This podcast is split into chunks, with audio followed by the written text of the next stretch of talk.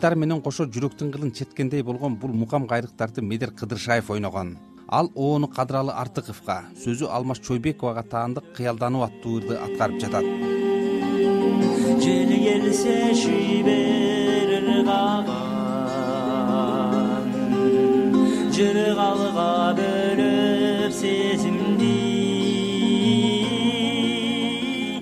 өткөн кылымдын токсонунчу жылдарында кыргыз эстрадасында жана музыкасында медербек кыдыршаев деген жаңы ысым пайда болду. Ал алгач сахнага чыкканда эле аткарган ар бир ырын жөн эле ырдап койбой ошол ырдын сөзү музыкасы менен жашап оологон мукам ыркактар менен бир бүтүнгө айланып кеткен өзгөчө талант катары жылдызы жанган. Бир кезде мукам үндүү ырчы менен чогуу иштеп калган кыргыз эл артисти элмирбек иманалиев кыдыршаев ар бир чыгармага жан дилин арнап келгенин мындайча кеп кылды. Мен бир жолку ошо эсимде да мындай бир жасанып түзөнүп кийинген да жок. Чыгып алып туруп бирөө ушундай ырдады.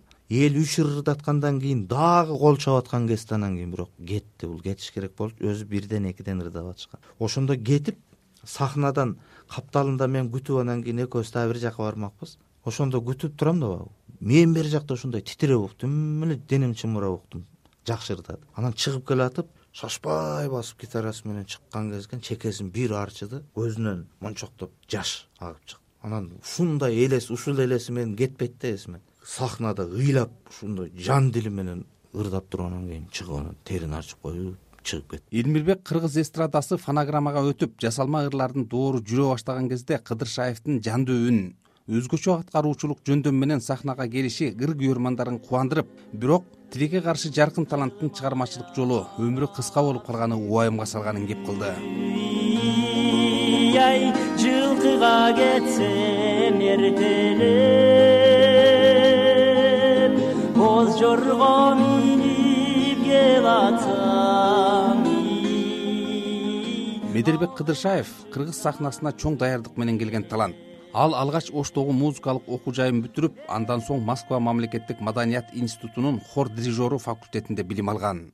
Орусияда окуп жүргөндө хор жамааты жана атактуу артисттер менен концерттерге катышкан. Москвада чогуу билим алган жатаканада бир бөлмөдө жашаган жумабек дүйшөналиев кыдыршаевди мындайча эскерди. Ал жөнөкөй эле студент болгон эмес да маданият институтунун концерттик программасында негизги ролду ойногон ырчылардан болгон. Френкелдин журавлисин ырдаган гитаранын коштоосунда өзү студенттик кезде он сегизден ашык шаарды кыдырган зазулина деген биздин группалаш кызыбыз бар. Азыр ал америкада. Экөөсүнүн аткаруудагы дуэти бүтүндөй россиянын он жети шаарында өтө аншлаг менен өткөн да. Дүйнөгө ссср кезинен баштап таанымал болгон игорь николаевич агутин менен. Чогуу теңми тең ырчылык өнөр менен тең таймашат. Андан кийин кылызм менен жакшы мамиледе жүрдү дүйшөналиевдин айтымында анткени менен адис музыканттардын чөйрөсүндө зор кадыр баркка жеткен кесипкөй ырчы окууну бүтүп өз мекенине келген кезде эгемендиктин алгачкы оор жылдарына кескелип туңгуюк келечекке туш келди.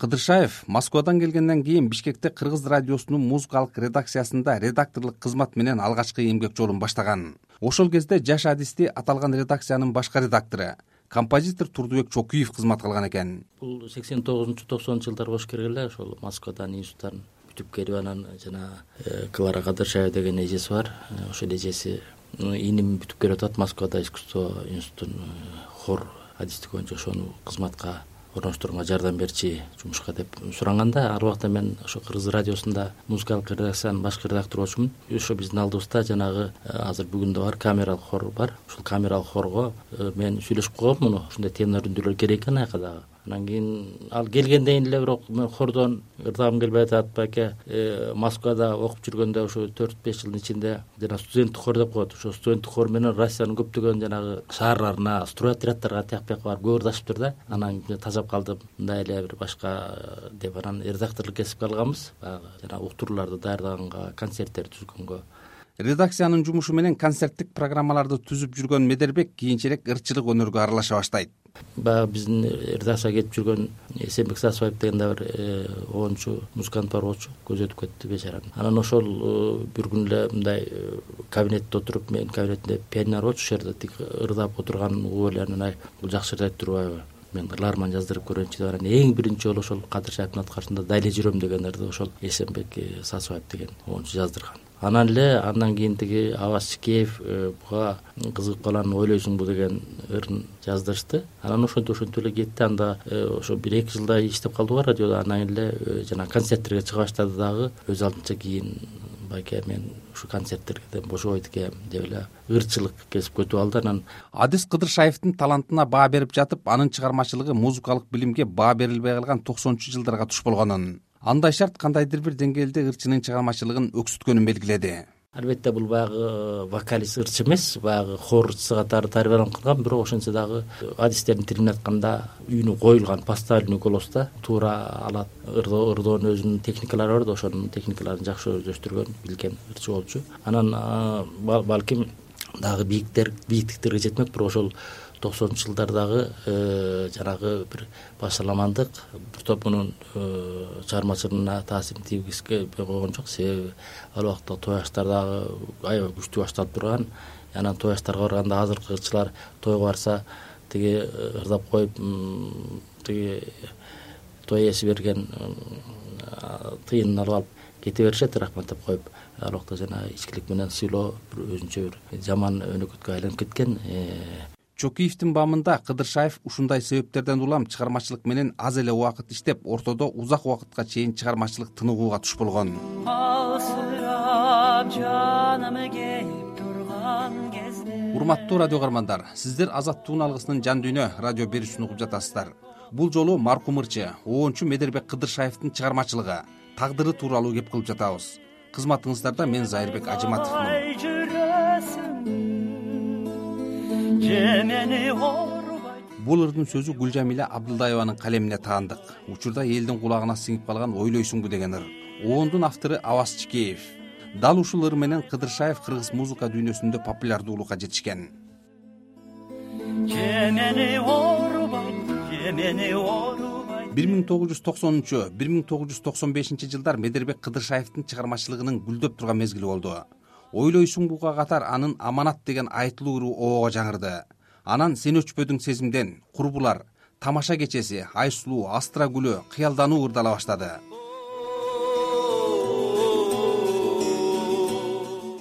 Ушул ырлардан кийин кыдыршаевдин чыгармачылыгы узак тыныгууга туш болот. Замандаштарынын айтымында бул кезде ырчы турмуштун өйдө ылдыйынан чыгармачылыктагы кризис үй бүлөлүк пикир келишпестиктер ичимдик сыяктуу себептерден улам биринчи келинчеги менен ажырашып ошол эле учурда чыгармачылык чөйрөдө кээ бир досторунан шагысынып көңүл чөгүүгө кабылган. Ырчынын өмүрүнүн акыркы жылдары тууралуу кыдыршаевдин бир тууган эжеси клара кыдыршаева мындайча кеп салып берди ыйлап келчү кээ демеде мен айтчумун сен жөнүндө сүйлөп атышса значит сен бир нерсеге таттыктуусуң го ошол себептен деп көп э, сороткон күндөрүм да болду. Ал абдан назик сезимталдуу ушундай музыкалык э, дүйнөсү дагы бүт музыкалдуу болчу да абдан. Эч качан кишиге катуу сүйлөбөйт аял кишиге кол көтөрбөй шыпылдап үйлөрдү деле жууп жыйнап менин кызым анда кичинекей кызым бар аны э, бала бакчага алып барып мектепке алып барып ушунчалык бала кыял ак э, жүргөн жигит болчу. Бирок өмүрү кыска экен. Ырчы өмүрүнүн соңунда шаардан кетип өз айылында да иштеп калган экен. Мен ар дайым түз жолдо болсун деп акыры ушу чөйрөдөн чыксын деп мен эркек бала ата энесинин жерине барат деп ошо өзүбүздүн өзгөндөн үй алып бергем үч комната үй алып берип ошол жака жөнөттүм. Абдан сүйүнүп келди менин хорум э, ош областтык конкурста э, экинчи орунду алды биринчи орун анан мен тамашалап койгом. Ай медер талант деген бул талант деген бул укмуш нерсе го азамат деп койгом. Анан кийин таарынчысы эмнеден? Медер деле кийинчерээк сезип калды. Мындай сезип калды. Баарын эле ачыла беришпеш керек. Мунун атын сатып мунун буга даже мурун эмелерине талантына таазим кылган колунда бар кишилер абдан жакшынакай костюмдарды алып беришет эле. Мен ошолорду алып кеткен кишилерди дагы билем чындап айткандачы э, көрө албастык. Биздин көзүбүзчө бирдемкени айтып кийин бирөө мына жакын эле баары эл ойлойт абдан жакын досу деп. Бирок ал киши абдан жаман нерселерди кылган. Ушул балдар э, үй бүлөсүнөн ажыраганынын да бир себеби ошондон болуп калган. Медербек кыдыршаевдин биринчи жубайынан эки уулу бар. Алар учурда жыйырма жаштан өтүп калды жакындары балдардын апасы кыдыршаевдин уулдарынын фамилиясын өзгөртүп туугандары менен катыштырбай койгонун айтышат. Тилекке каршы мен алар менен катышпайм катышпайм. Алар деле келген жок издеп эжеке деп мен бир эки жолу аракет кылсам мени кагып коюшту эмнеге чаласыз деп. Бир гана ниетим бар ушу баары бир эркек киши кыз кыз бала эми э, мындай чийден чыккан тышкары деп коет э эркек балдар менимче бүгүнкүгө чейин мен билгенимче баары бир баягы ата топурагына ата жерине кайрылат. Мен чоң үмүттөмүн да ушул балдар эстеп акылдуу болгондо тууган уруун бир туугандарын эстеринде чыгарбаса керек. Ал чоң атасынын колунда менин колум мындай э, ооругуча мына бульвар эркиндикти көтөрүп жүрөт элем илгери бульвар жиринскийде ушу ошолорду эстер деп ойлойм. Клара кыдыршаева быйыл классташтары жакындары күйөрмандары тарабынан медербек кыдыршаевдин элүү беш жылдыгы белгиленгени жатканын бул демилгени ырчынын учурда чоң атак даңкка жетип калган москвалык достору көтөргөнүн кошумчалады ушул кезге чейин медербек кыдыршаевдин жаркын элесине арналган эч бир кече иш чара өткөрүлгөн эмес. Кыдыршаев өмүрүнүн соңунда өзү туулуп өскөн айылынан фарида аттуу айымга үйлөнүп жаңы жашоо баштаган кезде оорунун айынан жети айдан кийин эки миң төртүнчү жылы жетинчи январда кырк бир жаш курагында мезгилсиз дүйнөдөн кайткан. Жан курбум жабыкпай жакшы кал курбум. Өзүмдү түнгө тапшырып сага калтырдым урматтуу радио угармандар сиздер азаттык радиосунун жан дүйнө радио берүүсүнөн ырчы оончу медербек кыдыршаевдин чыгармачылыгы жана тагдыры тууралуу уктуңуздар. Кызматыңыздарда мен зайырбек ажыматов болдум. Жан дүйнөңүздөрдө дайыма тынчтык болсун. Эмес ажалда